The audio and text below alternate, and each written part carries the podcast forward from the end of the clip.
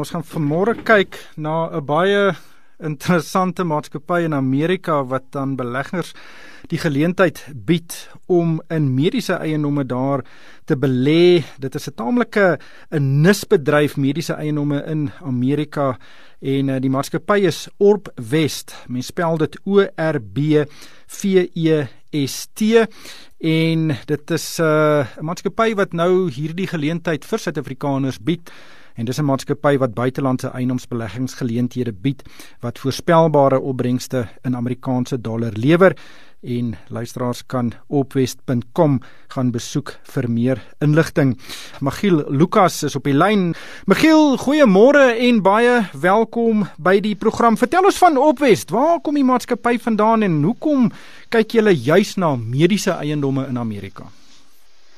Goeiemôre Ryk, goeiemôre aan die luisteraars. Ja, ons het aanvanklik begin om vir onsself te help in 2014 waar ons self 'n bietjie ons uh kapitaal in die buiteland wou belê. Ons het aanvanklik begin met met huise en ons het baie vinnig gesien dit maak meer sin om kommersiële eiendomme te doen. En uh dit het toe van daar af gegroei waar ons aanvanklik um in meer as net mediese eiendomme belê het en toe met die uh sê maar die bymekaar kom van ons groep uh, direkteure het ons ook Henny Besuidenhout wat 'n baie kern deel vorm van ons span het 'n baie lang geskiedenis met mediese geboue en hy het vir ons geleer hoe uh hoe basies resilient um die eiendomme is gedurende um aftye in die mark en uh, so het ons dan ook begin fokus op dit want ons hoofdoel is maar jy weet dit help nie jy werk al al jou werk so hard om jou geld bymekaar te maak en dan as jy dit oor see belê dan wil jy baie baie seker maak dat jou kapitaal ehm um, behoue bly en dat jy 'n redelike opbrengs kry.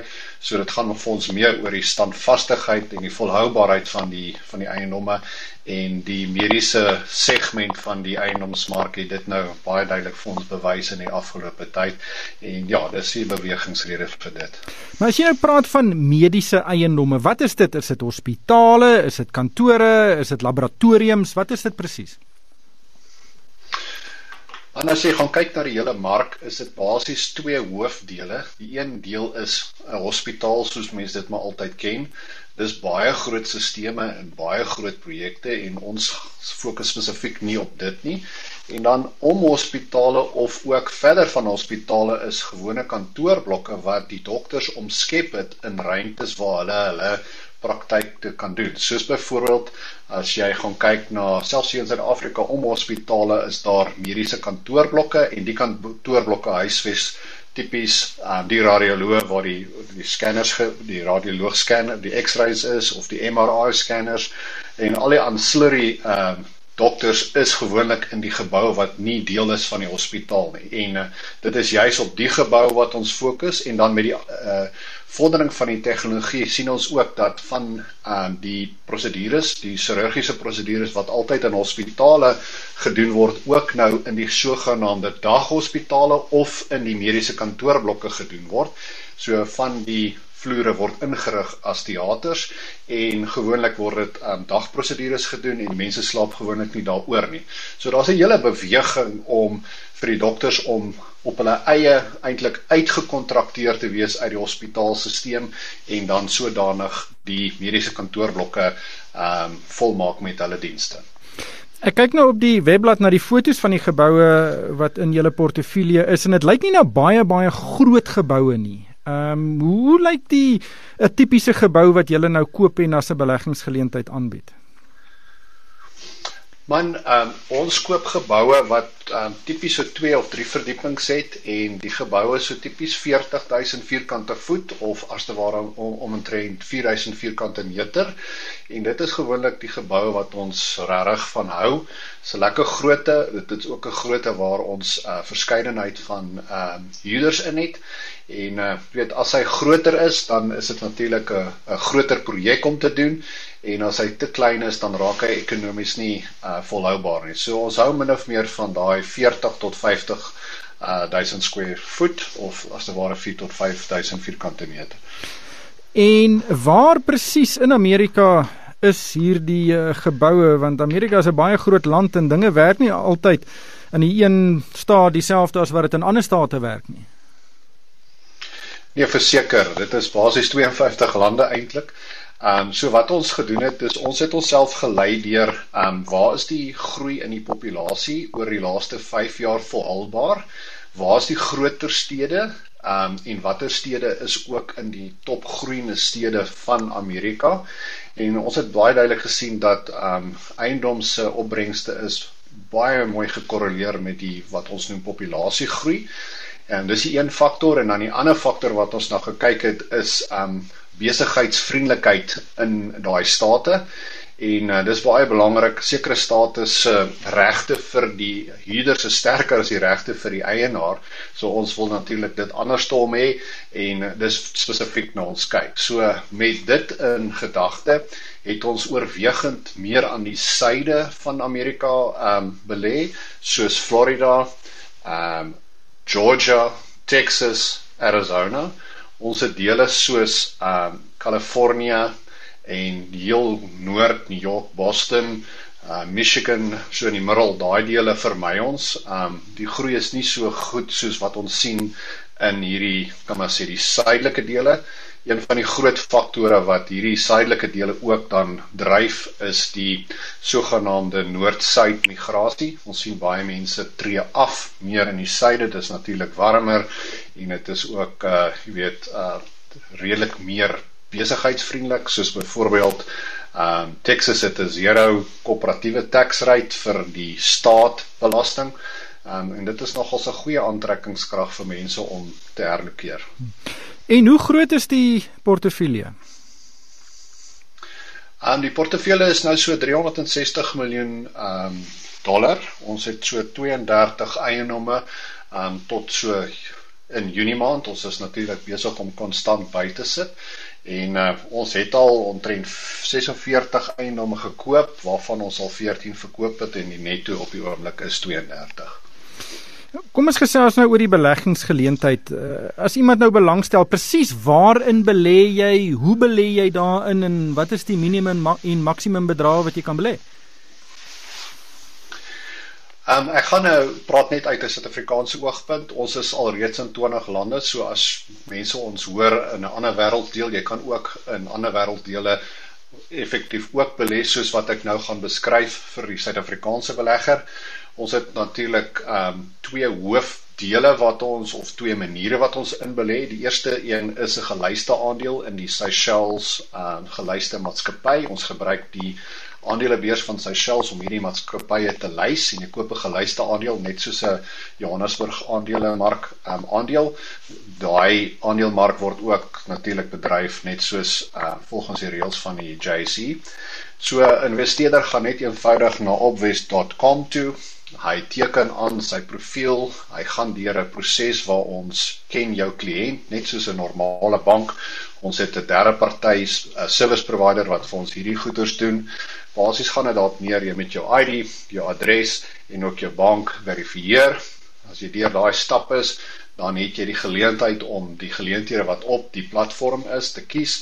Jy kan daarin belê en as jy dan besluit om 'n spesifiek een te doen, is die minimum um investment wat jy kan doen is 5000 dollar. Hoekom 5000? Ons het maar net gesien dit vat maar kostes om rand na dollar te skuif en um anders is die koste verhouding teen die opbrengsverhouding te groot. So dit maak sin net om meer as 5000 te skuif en dan kan jy dan op die platform teken jy dan jou dokumente en jy word dan deel van die investering sodra ons genoeg geld um, bymekaar gemaak het in die Seychelles maatskappy word daai geld oorgeblaas en dan ons tweede been vir mense wat reeds um beleggingsstrukture in Amerika het kan ook direk uit Amerika belê.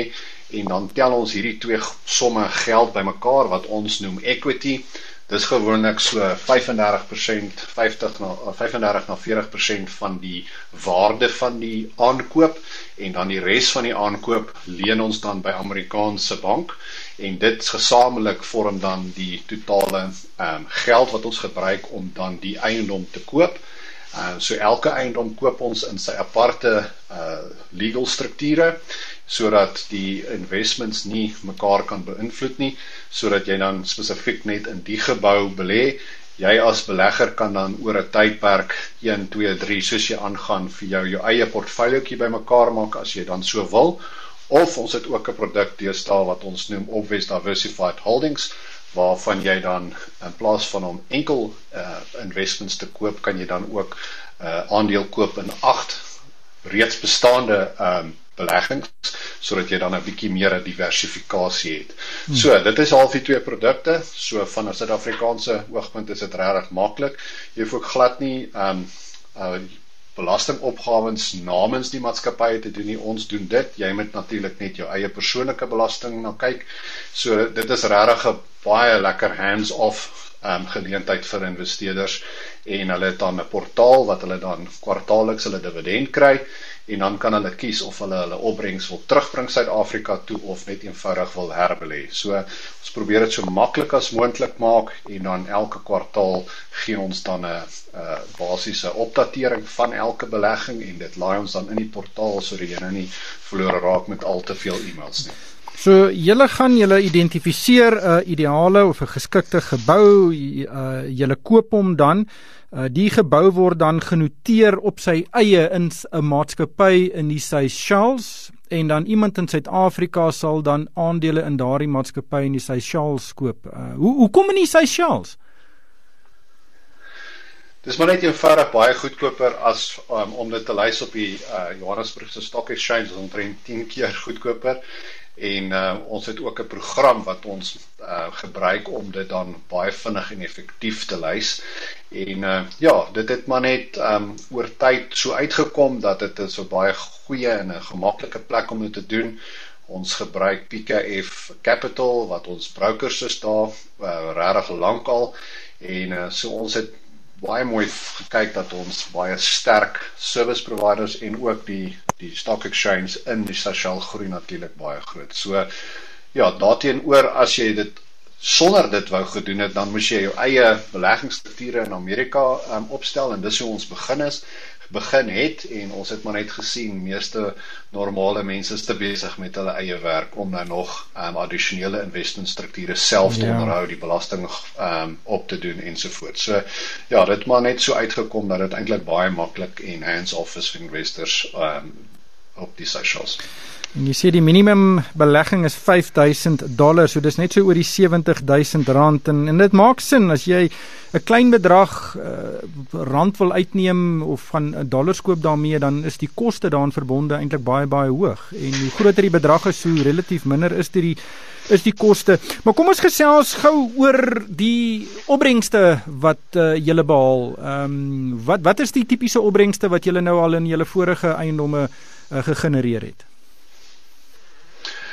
Ja, ons mik um, om sover as moontlik tussen 7.5% en 8% cash on cash da, te gee wat dit beteken as jy ehm um, sê maar uh 100 dollar ingesit het of kom ons maak dit meer sê maar 100 000 dollar en dan kry jy dan 7.5% op daai 100 000 dit is wat ons noem cash on cash en dan beoog ons dan om vir jou so tipies ehm um, 10 na ag so tipies 20 na 25% kapitaale wins op die einde van die projek te gee. Gewoonlik hou ons die projekte so 5 jaar en dan kry jy dan kapitaale wins. Wanneer jy daai twee syfers bymekaar tel in 'n kontantvloei diagram, dan werk ons dit uit wat ons noem internal rate of return en dit is tipies tussen ehm um, 10 en 12% wat ons genereer. So die hele idee is ons uh opbrengste is uh matig. Ons probeer nie die ligte uitskiet nie. Ons probeer dit so standvastig as moontlik handhaaf vir investors. Ja, ek kyk hier na die portefeulje wat jy het op die webblad en en ek neem aan hierdie is geauditeerde syfers. Uh die opbrengste uh, 7,3% uh op die een eiendom, dan is daar ene 8%, 8,3%, 7,5% nog 'n eiendom hier rondom 8%. Uh so so julle behaal hierdie tipe van opbrengste en dit is in Amerika en Suid-Afrika se 8% opbrengs nou nie so hoog nie, maar in Amerika is dit 'n stewige een.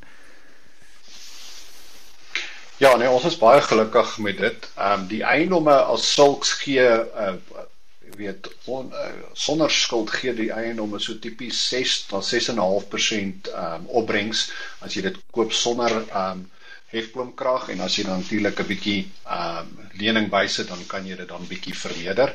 En dit is wat daai eiendom gee en dan ook ehm um, tot op hede ook nie nou heeltemal onlangs nie maar die inflasiekoers was regtig tipies onder 2% en so dit beteken ehm um, as jy dan daarna kyk dan kry dan 'n regte reële opbrengs op daai inkomste en dit uh ek weet as mense dit nou direk wil vergelyk met Suid-Afrika dan is dit um, in terme van reële opkomste definitief meer in dollar terme as in rand terme. Ek ek sien daar's 'n beleggingstermyn van 5 jaar. Uh, beteken dit jy verkoop die gebou na 5 jaar? Ja, ons uh, oogmerk, uh, ons het maar 'n konstante debat met ons investeerders. Party van ons investeerders wil graag 'n korter termyn hê, tipies 3 jaar. En baie van ons beleggers sê as die gebou natuurlik goed werk, hoekom wil jy hom verkoop? Hou hom net langer. So ons het nou maar 'n goue middeweg gesien dat tipies hierso by 5 jaar is waar ons min of meer almal gelukkig kan hou en ons het ook gesien dat ehm um, 5 jaar werk baie lekker. Dit gee vir ons kans om die huurders ehm um, se huurtermyne weer te hernie en dan as ons dit dan hernie, dan is dit natuurlik baie waardevol en dan help dit ons om 'n goeie ehm um, verkoopsprys te kry. En as jy hom verkoop, wat gebeur met die kapitaalwins? Ons uh, betaal die kapitaalwins um natuurlik weer terug aan die investeerder of aan die investeerders terug. Uh, baie interessant is dat um omdat ons um deur die Seychelles strukture werk, kan ons ook die uh kapitaalwins teruggee as 'n dividend. So een van die uitstaande kenmerke van hoe ons die returns gee vir investors, beide die inkomste en die kapitaal is al twee in die vorm van 'n dividend. Hoekom dit belangrik is is dat in Suid-Afrika word dividende met 'n uh, plat koers uh, belas van 20%. So teenoor as dit andersins sou teruggebring word as inkomste sou jy dan teen jou marginale koers um, dit um, belas geword het. So ja, dit maak nogals baie sin ook vir veral beleggers wat 'n hoë belastingkoers het omdat hulle net dividend kry, is dit redelik voordelig hulle onafhanklik van die bedrag wat hulle investeer. Hier's 'n hele paar SMS'e wat vra oor wat die risiko van hierdie beleggingsgeleentheid is. Uh, hoe hoe sal jy die risiko beskryf as mens nou miskien dink aan die risiko van aandele teenoor vaste deposito's? Uh, vaste deposito's natuurlik veilige beleggings, aandele meer riskante beleggings. Waar dink jy pas hierdie beleggings in? Man ek dink um, as jy nou heeltemal um, ek sal sê so middel tot medium um, risiko, um, daar is natuurlik altyd altyd risiko in hierdie geboue. Ehm um, wat kan gebeur is ehm um, van jou huurders kan swaar kry en jy kan minder inkomste kry en dan wat dan gebeur is dan is die opbrengs in terme van jou kontantvloei minder. Ehm uh, die die slegste geval is natuurlik ehm um, as jy regtig nie uh genoeg hier het om jou uh skuld te betaal nie op 'n maandelikse basis en dan is dit wat ons noem 'n capital call. So dit is 'n ding wat ons natuurlik so ver as moontlik vermy. So daai risiko's is daar. So dis vir ons skrikkelik belangrik um wat 'n soort huurders is dit en wat uh die komposisie van daai huurders is en ook kyk ons baie spesifiek dat daai huurders um langtermyn volhoubaar is en ook nie so maklik deur allerlei veranderings in die mark soos die internet, soos nuwe soorte retailers wat inkom en die mark ehm um, verander nie sodat ons seker maak die dokters wat in daai gebou is volhoubaar. So die risiko is baie duidelik. Jy kan uh nie 'n dividend kry nie, jy kan ook 'n capital call kry. Uh gelukkig het ons nog nie by daai punt uitgekom nie, maar ons het ook al 'n projek gehad wat 'n bietjie minder dividend verklaar en uh, dit is maar deel van die risiko van die beleggings. Nou verlede jaar met die COVID-19 pandemie se inperking maatreëls wat reg oor die wêreld gegeld het, ook in Amerika, het dit veral die eiendomsbedryf seer gemaak omdat uh, baie van die uh, kleinhandelaars uh, gesukkel het, uh, die verhuurders van kantoorspasie. Hoe hoe die opbrengs, hoe is die opbrengste geraak deur hierdie maatreëls uh, in, in julle portefeulje? Want Rykas sê gaan kyk ons het so 141 ehm um, huurders op die oomblik in hierdie geboue van ons. Ons het so 10% van hulle het definitief 'n bietjie swaar gekry. Ehm um, dit was basies huurders wat volgens die regering diskriminasie diskresionêre procedures gedoen het soos dat uh, byvoorbeeld 'n tandarts en gedurende die COVID periode het daai ehm um, soort huurders net eenvoudig deur wet was hulle verplig om nie oop te maak nie. Dan het ons weer huurders soos onkologie dokters, ehm um, so chirurgie sentrums wat eintlik meer pasiënte gekry het omdat die hospitale ehm um, van die pasiënte al weggestuur het sodat hulle meer kapasiteit het om die COVID te hanteer. So uh, as ons gaan kyk na die in die algemeen het ons so 4 uit ons 17 projekte was daar 'n vertraging in dividende wat ons uh, genoem het en ook een of twee projekte wat ons die dividende net gestop het vir die tydperk. Die rede hoekom ons dit doen gedoen het van daai huurders het maar net gevra dat hulle net uitstel op hulle huur kry en dan het hulle nou weer begin inhaal. So as ons in die algemeen gaan kyk, het ons totale huurkomste so 5% ehm um, gedip maar uh, ons is verskriklik gelukkig met die feit dat dit eintlik baie resilient was en glad nie in um, terme van uh as mens gaan kyk na die hotelbedryf en die winkelbedryf hoe hoe ver dit geval het. Ek dink ons het dit eintlik verskriklik min uh oorgekom en uh ja, dit is dit het net weer eens bevestig hoekom ons in die marke is vir dit. Dit uh dit is baie resilient in hierdie moeiliker omstandighede. Ja, die nismarkte, hulle kan uh hulle man staan indien daar bewegings is soos wat ons gesien het of 'n uh, uh winde wat teen die eiendomsbedryf waai en en soos jy gesê het, hierdie is 'n uh, voorspelbare inkomste omdat dit 'n gespesialiseerde dienste lewer. Maar 'n hele paar SMS'e vra vra oor eiendomsindikasie. Nou sy eiendomsindikasie in Suid-Afrika het nie die beste naam nie. Uh ons het 'n paar groot uh uh met mislukkings gehad, Shemax, Pickwest uh, en 'n hele paar ander ook. Hoe hoe verskil hierdie beleggings uh, van hierdie eiendomsindikasie skemas wat ons in die verlede in Suid-Afrika gesien het? Ek dink ehm um, daar's veral twee of drie ehm um, uitstaande verskille. Die eerste verskil wat uh, wat ek opgetel het is dat Um ons koop geboue direk wat reeds bestaan. So ek dink dit is 'n baie groot en fundamentele verskil tussen sekere van die wat al voorheen gefaal het waar hulle tipies 'n erf gekoop het om herverkoop het aan hulle self, die ontwikkelaars of die eienaars het al reeds wins gevat en dan het hulle begin bou en terwyl hulle gebou het, het hulle inkomste gegee wat nie daar was nie.